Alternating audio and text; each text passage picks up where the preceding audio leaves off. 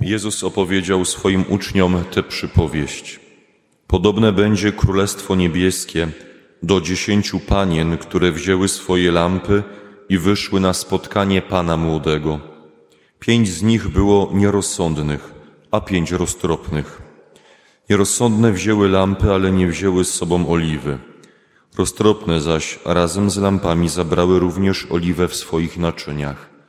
Gdy się Pan Młody opóźniał, senność ogarnęła wszystkie i posnęły.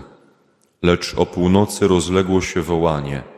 Oto Pan Młody idzie, wyjdźcie mu na spotkanie. Wtedy powstały wszystkie owe panny i opatrzyły swe lampy. A nierozsądne rzekły do roztropnych, użyczcie nam swej oliwy, bo nasze lampy gasną. Odpowiedziały roztropne, mogłoby i nam, i wam nie wystarczyć. Idźcie raczej do sprzedających i kupcie sobie. Gdy one szły kupić, nadszedł Pan Młody.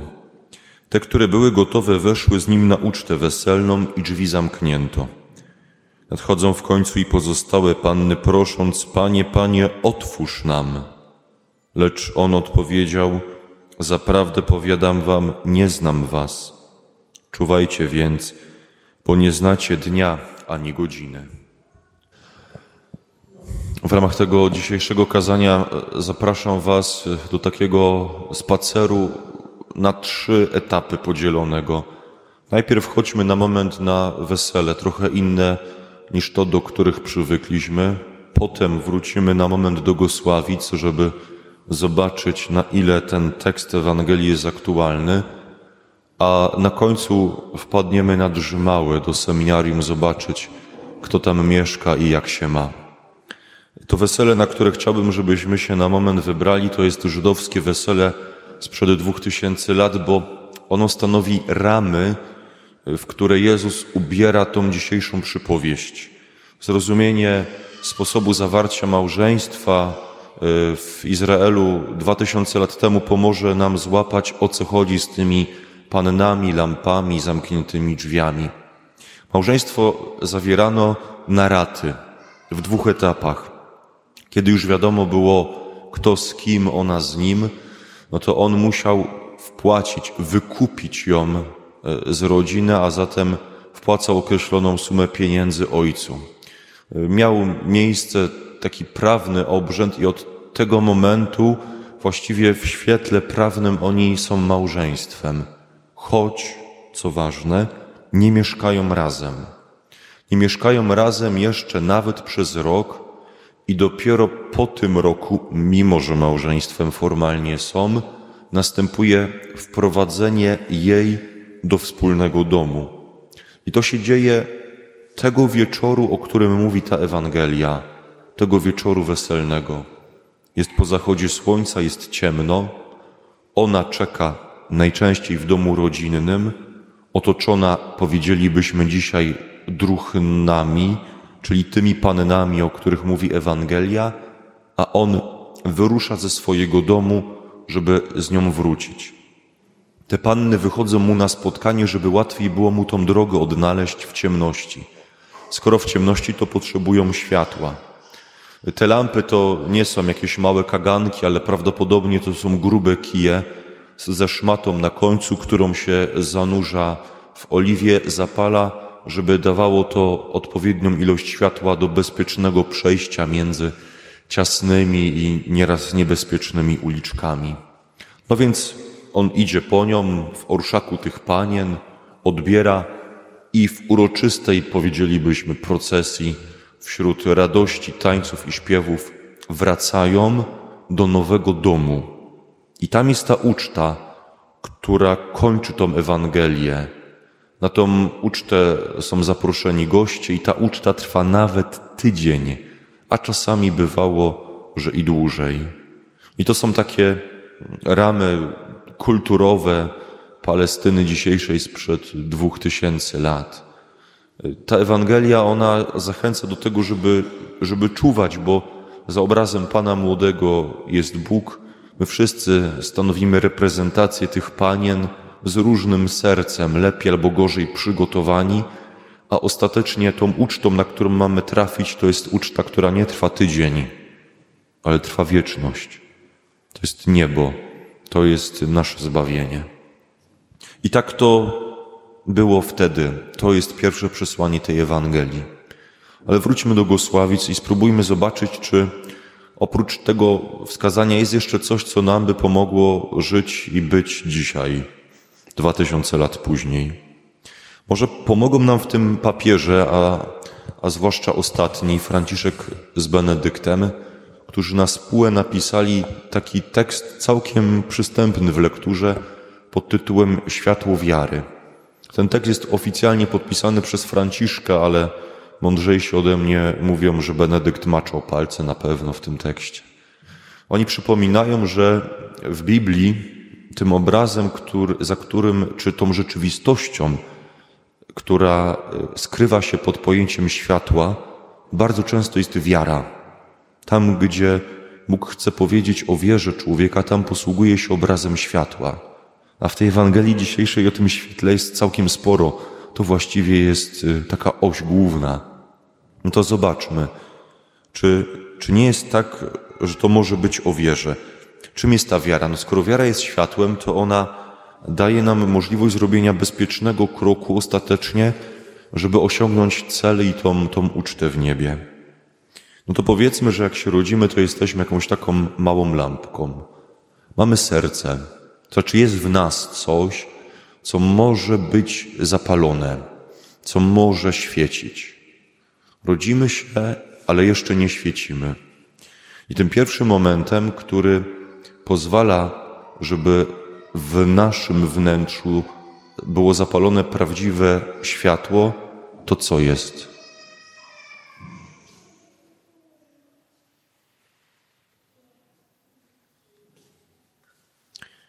Siostry i bracia, to jest chrzest. Chrzest jest tym momentem, w którym światło większe od nas, światło wiary Boga i Kościoła jest zapalane w naszym życiu. No i zobaczcie, że to jest możliwe, bo ktoś wcześniej nalał trochę wosku. Ten wosk to jest to wszystko, co dostajemy w pakiecie od rodziny, od środowiska, od kościoła. I to nam wystarcza na jakiś czas. To światełko będzie się świeciło. Mam nadzieję, że wystarczy do końca mszy. I tak jest w naszym życiu, nie? że przez dobrych paręnaście lat my pozwalamy, żeby y, ktoś w nas wkładał wiarę, informacje, wiedzę, przykład, rodzice, dziadkowie, katecheci, nauczyciele. Ale potem jest taki moment przejścia od dzieciństwa do dorosłości, gdzie młody człowiek mówi dosyć. Ja będę o sobie sam stanowił. Ja wybiorę pracę, ja wybiorę studia, ja wybiorę ludzi, z którymi się zwiążę, ja wybiorę swoje życie, ja też wybiorę to, co będzie kierowało moim życiem. I on przestaje brać, albo inaczej mówiąc, przestaje pozwalać, żeby w niego wlewano. I teraz niektórzy ludzie idą dalej i mówią: Dobrze, to ja się zatroszczę samemu, żeby to uzupełniać, a niektórzy nie dochodzą do tego momentu.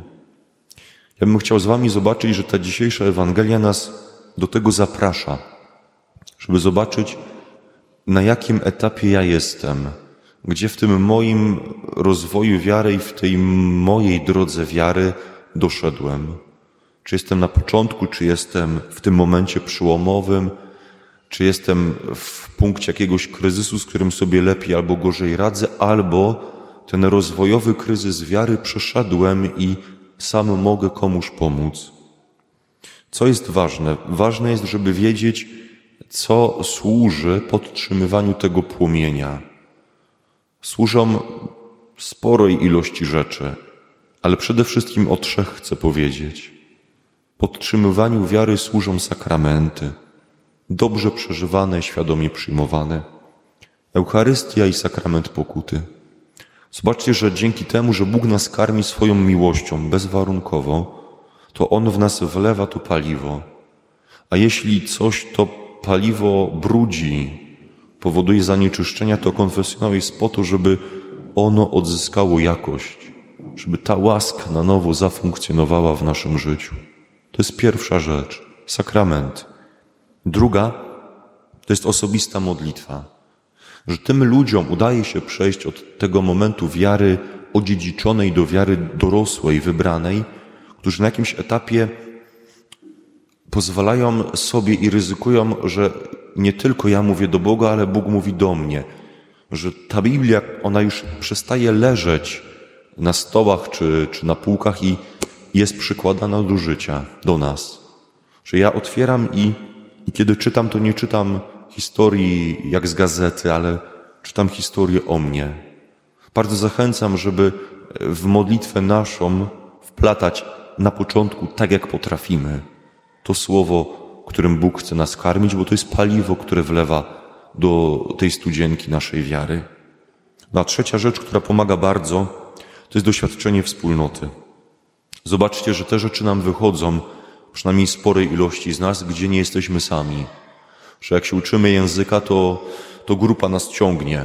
Że jak ktoś próbuje pobić jakiś e, rekord albo wynik osiągnąć w sporcie, to grupowy trening motywuje, żeby jednak zmienić te buty i, i na niego się wybrać. I tak też jest doświadczeniem wiary.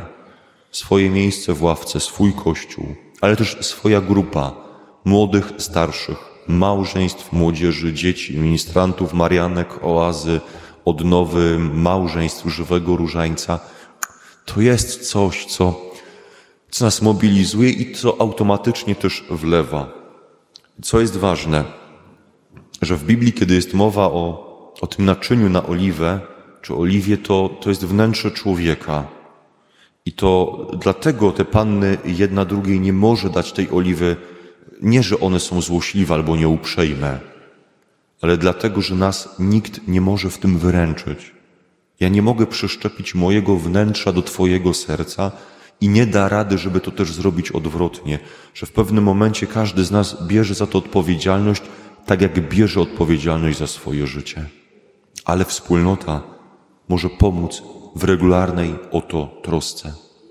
Sakramenty, osobista modlitwa i doświadczenie wspólnoty.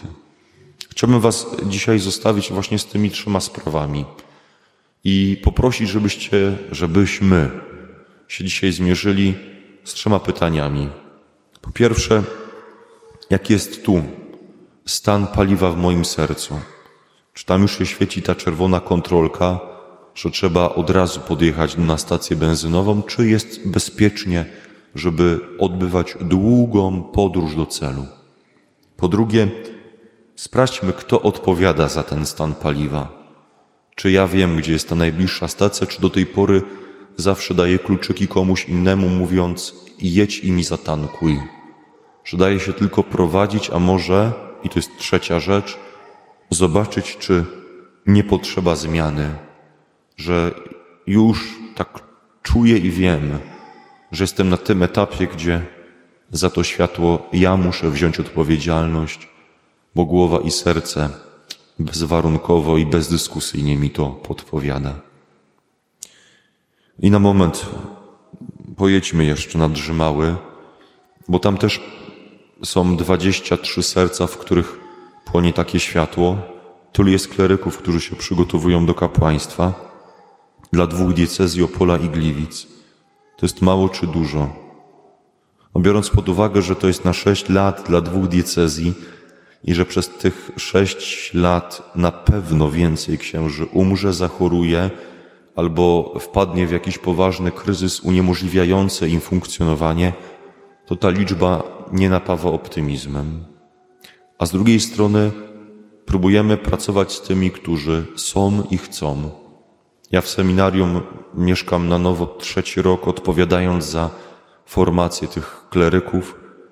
Najmłodszy ma trochę ponad 19 lat, a najstarszy, który już formuje się w jednej z parafii, ma lat 45. Każdy ma serce. I w każdym tym sercu zapłonęło jakieś przekonanie, że, że jego życie ma być nie tylko dla niego, ale ma być dla ludzi w kościele. Mamy tak, że raz na parę lat odwiedzamy wszystkie parafie Opola i Gliwic, żeby tym, którzy z nami idą drogą wiary, spojrzeć w oczy, życzliwie się uśmiechnąć, a przede wszystkim podziękować. Podziękować za wsparcie i modlitewne, i materialne. To modlitewne jest nam potrzebne, żeby ciągle w nas paliło się to przekonanie, że warto.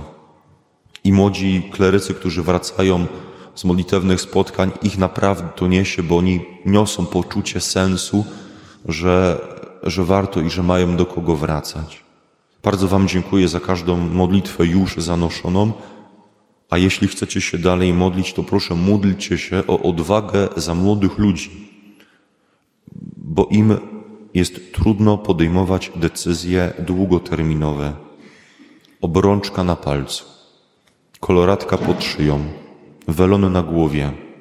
To jest decyzja na całe życie.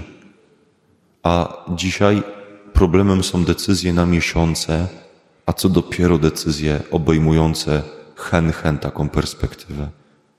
Oni potrzebują i naszej obecności, i naszego wsparcia. Bardzo też dziękuję Wam za każde wsparcie materialne, bo dzięki niemu my funkcjonujemy. To regularnie, które trafia do nas, a zwłaszcza to, to dzisiejsze w ramach zebranej kolekty. I w końcu jestem też tu, żeby podziękować y, Wam, całej parafii na czele z proboszczem, księdzem Marcinem, za życzliwość. Po pierwsze, wpuścił mnie dzisiaj na ambonę. Po drugie, wpuścił tu ostatnio paru kleryków, którzy regularnie, na miarę możliwości, przyjeżdżają i przypatrują się, jak dobrze można funkcjonować w lokalnym kościele. Po trzecie, ten siedzący za mną człowiek jest też dyrektorem lokalnej decyzjalnej księgarni wydawnictwa, która jest nam bardzo, bardzo życzliwa. Między innymi wydrukowała nam kalendarze na przyszły rok seminaryjne. Na każdym jest ktoś z nas, niektóre twarze są także Wam znane z tego kościoła. Jest fragment z Franciszka, kod QR, czyli te kwadraciki, do których się przykłada telefon, odsyłają na stronę internetową, gdzie coś więcej o nas można zobaczyć albo przeczytać. Zachęcam, kto chce się w taki kalendarz zaopatrzyć i spędzić z nami przyszły rok. Ja po zakończonej mszy świętej będę grasować y, w okolicach końca kościoła i za dobrowolną ofiarę w taki kalendarz można się zaopatrzyć. Może jak będzie wisiał na ścianie, też od czasu do czasu przypomni o, o tej modlitwie za przyszłych księży. Pytają mnie czasami, co można robić, żeby tych powołań było więcej. Im jestem starszy, tym mniej wierzę w skuteczność nawet najlepszych filmów i najładniejszych plakatów. Bo projekt Dobry Ksiądz zaczyna się kiedy? Kiedy się rodzi jego babcia, bo jego babcia wychowuje jego ojca, a ojciec i matka przez dwadzieścia parę lat budują, formują i dają mu głowę i serce. I on z tym sercem i z tą głową idzie potem do seminarium na parę lat i próbuje opakować to jeszcze różnymi rzeczami. Dlatego jeśli coś możemy zrobić dla powołań, to ci z Was, którzy są rodzicami i dziadkami, ciotkami, dobrymi wujkami, proszę, dajcie tym młodszym i starszym bezwarunkową miłość. Bo jeśli oni z tym pójdą dalej, czy to jest seminarium, zakon, małżeństwo, to to życie się dobrze skończy. Będzie szczęśliwe i dobre dla innych. Jak w tym domu będzie też prosta, autentyczna wiara, to się wszystko zepnie w całość. I z takich domów, naprawdę, nieidealnych, ale gdzie jest wiara i miłość, Bóg i człowiek, z takich domów przechodzą potem ci, którzy służą Kościołowi. Niech światło wiary, które Bóg kiedyś zapalił w naszym sercu, nieustannie płonie dla nas i dla tych wszystkich, którym na co dzień służymy. Amen.